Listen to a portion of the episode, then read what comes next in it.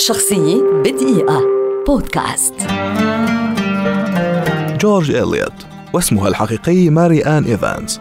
روائية إنجليزية شهيرة ولدت عام 1819 وقد اختارت اسما قلميا ذكوريا لأنه بحسب قولها أرادت أن تؤخذ أعمالها على محمل الجد وألا يتم اعتبارها كاتبة رومانسية لمجرد أنها امرأة. وقد عرفت رواياتها بواقعيتها والبعد النفسي فيها.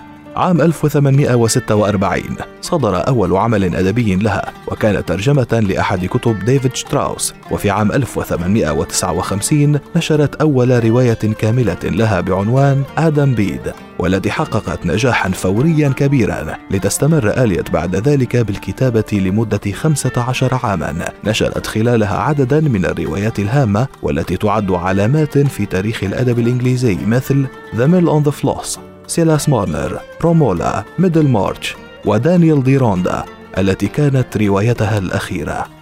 كانت إليوت رائدة المتمردات عن جدارة ورغم الإعجاب بها وبكتبها ورواياتها فقد دفعت ثمنا باهظا لتمردها وعاشت شبه عزلة لا تزور ولا تزار. ولكن ما يميزها أدبيا إنها من أوائل من أدخلوا تفاصيل اليومية في الأدب الروائي وقد أسست بذلك لأدب جديد مادته نبض الشارع وحياة الناس البسطاء.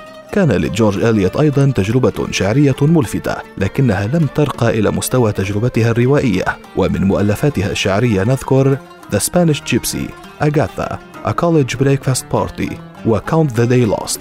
بسبب اعتلال في الكلى رحل جورج إليوت عام 1880 عن عمر ناهز 61 عاما تاركة مسيرة أدبية وإنسانية عنوانها التمرد والتفرد.